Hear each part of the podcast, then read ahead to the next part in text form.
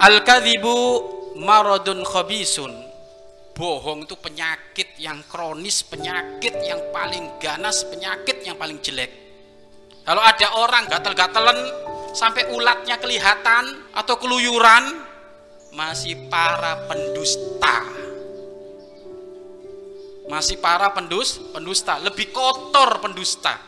Lebih kotor tukang pembohong daripada orang yang gudikan kayak gitu tuh. Orang yang gudikan kayak tadi itu mungkin secara dohir dia hina, tapi kalau dia sabar mulia di hadapan Allah. Pendusta, siapa yang mengatakan dia mulia? Nyungsep, hina. Penyakit yang paling jelek itu pendusta.